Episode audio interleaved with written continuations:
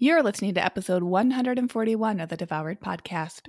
Welcome to Devoured, the podcast for women like you who have tried restrictive diet after diet and are ready for simple solutions and resources to help you lose weight for the last time from a place of abundance and peace. If you're looking to end the yo yo of comfort eating and rigid weight loss protocols and instead step into living your life on your terms while losing weight in the process, you're in the right place. Oh, yes, why, it is still snowing here in Portland. Thank you for asking. I knew it was on your mind, as it's been on my mind. If there's one thing I never want to shake, it's that Minnesotans will always talk about the weather first. I might have left the state, but mm, Minnesota girl at heart, I'm going to check in with you about the weather. Also, we're humans, meaning we're creatures. Of course, the weather matters. Of course, we're going to talk about it. It's still snowy here, and I still love it. I'll still go for a walk here or there. And I think the reason why I love this snow is that I know it's going to go away. That's probably the worst part in Minnesota is like you just know the snow turns into ice. The ice like goes from white to gray and then you get a blizzard and then it's like negative temperatures for not just the couple 3 days but like the 10 14 days that we all didn't want but then it happened. That's why the snow feels different because i know it's going to go away it's going to melt it's going to be totally cool it's fine we're fine. I want to talk about this week having there's a theme that's coming up for women that i'm working with and this is a really common theme. Like like common but let's shake the patriarchy off, you know what I mean? And the theme is sly ways that worthlessness has infiltrated our lives. And so, what I mean by that is feeling not worthy of having the things that we actually want in our lives. This will show up and crop up in so many different ways. So, we coach weight loss because it's an area that women feel disempowered around. And I want to create so much goddamn empowerment, empowerment that it stops even being a thing and it just becomes another area of their lives where stuff is not a big deal. They lose the weight, great. But they did it not just to get to a scale number, but because now they're embodied in their lives and they love themselves and they love their lives. That's what we're doing in the program. We catch our brains and our thoughts when we start to say really shitty things about ourselves. And we catch them with love. We don't do the crummy detective diet culture like covert way of trying to like self love ourselves into more love because that's boring AF. We do it the deep and deeply compassionate way, where we create space for every thought we've ever had in our lives. We create space for every feeling we've ever had in our lives, and we start to allow our own capacities to grow in order to have the lovely life experience that we know is available to us. We might not believe it, but we know it's there. That is a bridge that we're working on. And we do that, of course, right? By talking about some of the tangibles around weight loss. But what matters the most isn't having lost the weight. And a lot of us decide, oh, I can't lose the weight. Actually, if we dig deep enough, we recognize that we feel like we're not worthy of having losing that weight. Because what that weight represents, yes, we often can have like a number on the scale a, a size of pants, the, you know, what, however we looked in high school. The more important part that I want you all to be thinking about this week is that those are just labels and placeholders that represent how we desire to feel in our lives. Because I will tell you, if you lose weight and then you're at your goal weight and your life is really crummy still, you're going to feel excitement when you hit that goal number and that excitement might last for an hour or a day or a week. And then you're going to like take your head up and out of looking only at the scale. You're going to look around and you're going to realize you're still having the same mean thoughts about yourself. You're just at a different weight now. You're still having weird, not satisfying relationships that leave you unhappy. You still don't actually enjoy doing the things that got you down to that number on the scale. And so, what do you do? You go back to all the old habits that are so deeply ingrained to be uncomfortably comfortable. That is part of the dieting cycle. We see that so commonly.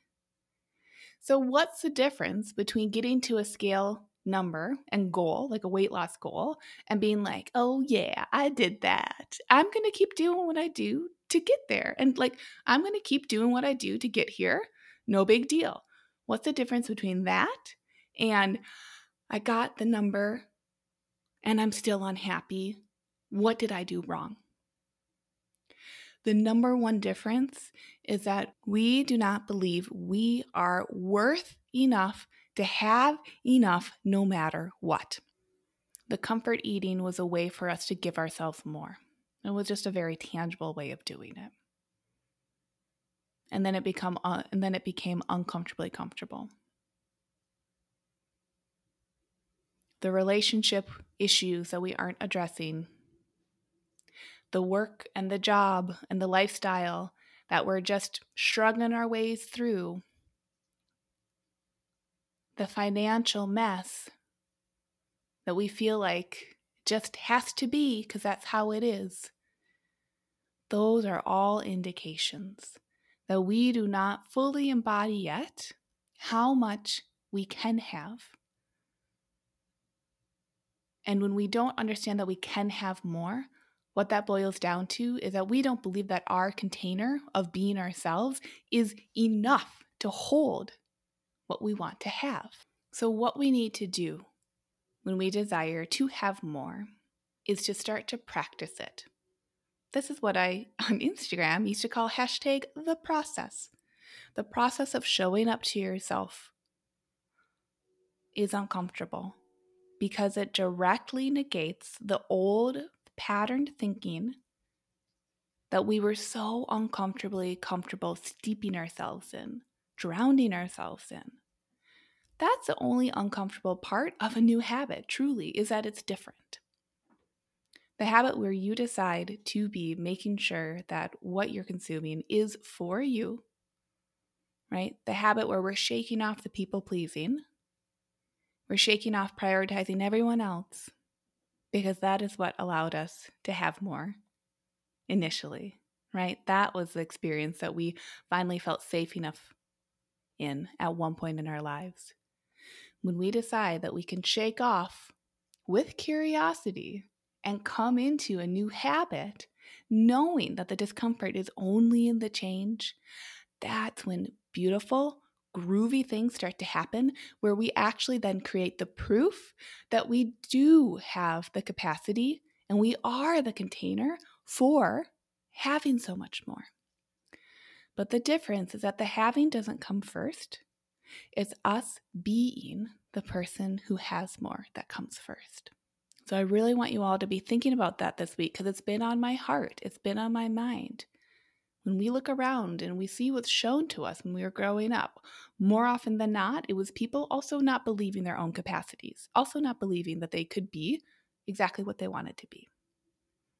So we absorb that consciously or unconsciously, we absorbed that to be true. And we started to believe that the only people who were being the people that they wanted to be were the exceptions. Well, and if we don't believe we have the capacity to be an exception, then, like, that's definitely not for us, right? That's all the old pattern thinking is.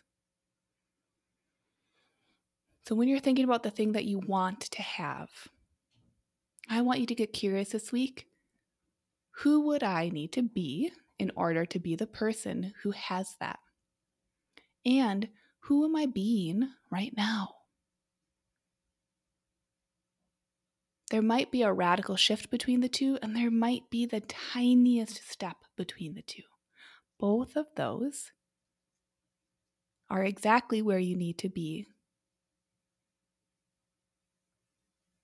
We have never lived our lives in a wrong way up until the present moment. They have simply been. And when we truly allow ourselves that freedom, what you'll find is that the present moment stops being scary. When we stop judging every moment before, we then create proof ahead of time that we can stop judging the present moment. And you'll feel a big release when you do that. You'll start to see, oh, I can just be right now. I can have the happy thoughts. I can have the shitty thoughts. I can be whiny. I can be frustrated. And nothing's gone wrong. I might be hella sick of myself for some of these feelings, but that's okay.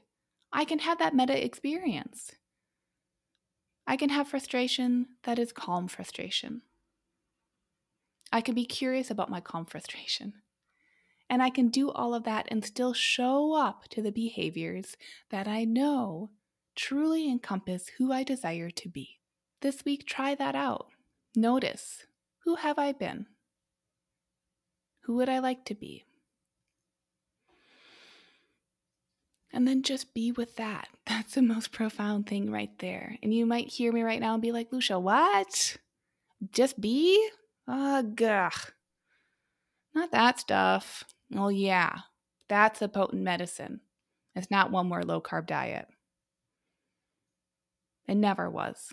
That's why they didn't work. You were right. They didn't work because of that reason.